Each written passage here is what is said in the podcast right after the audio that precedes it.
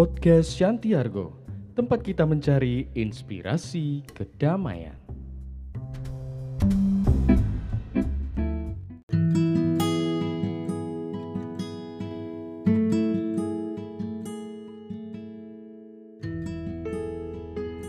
Bertahun-tahun yang lalu, saya bekerja sebagai supir taksi. Suatu saat, saya harus menjemput penumpang di tengah malam. Ketika saya sampai di alamatnya, bangunan itu gelap. Hanya ada cahaya di jendela lantai dasar. Biasanya, dalam keadaan seperti itu, pengemudi akan menunggu hanya sebentar, lalu pergi. Tapi entah bagaimana, saya terpikir kemungkinan calon penumpang itu membutuhkan bantuan saya. Oleh karena itu, saya pergi ke pintu depan rumah itu dan mengetuk. Tidak ada jawaban. Tetapi saya mengulangi lagi sampai tiga kali. Lalu saya mendengar suara lemah seorang wanita tua.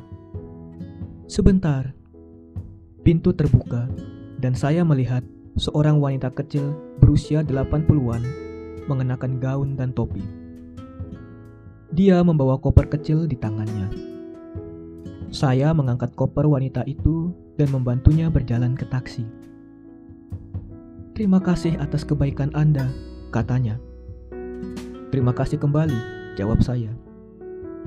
Saya hanya mencoba untuk memperlakukan penumpang saya sebagaimana saya ingin ibu saya diperlakukan. Lanjut saya. Wanita itu kemudian mengatakan, kamu adalah orang yang sangat baik. Ketika kami masuk ke dalam taksi, dia memberitahukan alamat tujuannya dan bertanya, "Bisakah bila kita melalui pusat kota?" Saya katakan kepadanya bahwa itu bukan jalan terpendek. Ia menjawab, "Saya tahu, tapi saya tidak perlu terburu-buru." karena saya sedang dalam perjalanan ke rumah sakit. Saya tidak punya keluarga lagi.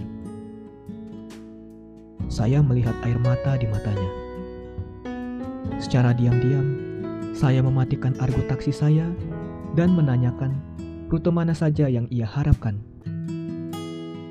Saat kami berkendara melewati kota, wanita tua itu menunjukkan tempat-tempat yang meninggalkan banyak kenangan baginya gedung tempat dia bekerja sebagai operator lift, rumah tempat dia dan suaminya pernah tinggal setelah menikah, gudang, tempat ballroom, dan berbagai tempat lain. Bertahun-tahun yang lalu, dia selalu pergi ke ballroom tersebut dan menari di sana saat dia masih kecil. Setelah dua jam berkeliling, wanita itu berkata, "Saya lelah, ayo pergi sekarang." Begitu kami tiba di alamat yang wanita itu berikan kepada saya, dua petugas datang ke taksi saya. Mereka sepertinya menunggunya. Saya mengambilkan kopernya saat dia sudah duduk di kursi roda. Berapa yang harus saya bayar? Dia bertanya. Saya menjawabnya bahwa dia tidak perlu membayar apa-apa. Dia bersikeras dan berkata, tapi Anda kan mengemudi taksi untuk mencari nafkah. Saya menjawab sambil memeluknya. Ada penumpang lain yang membayar lebih. Sudah cukup.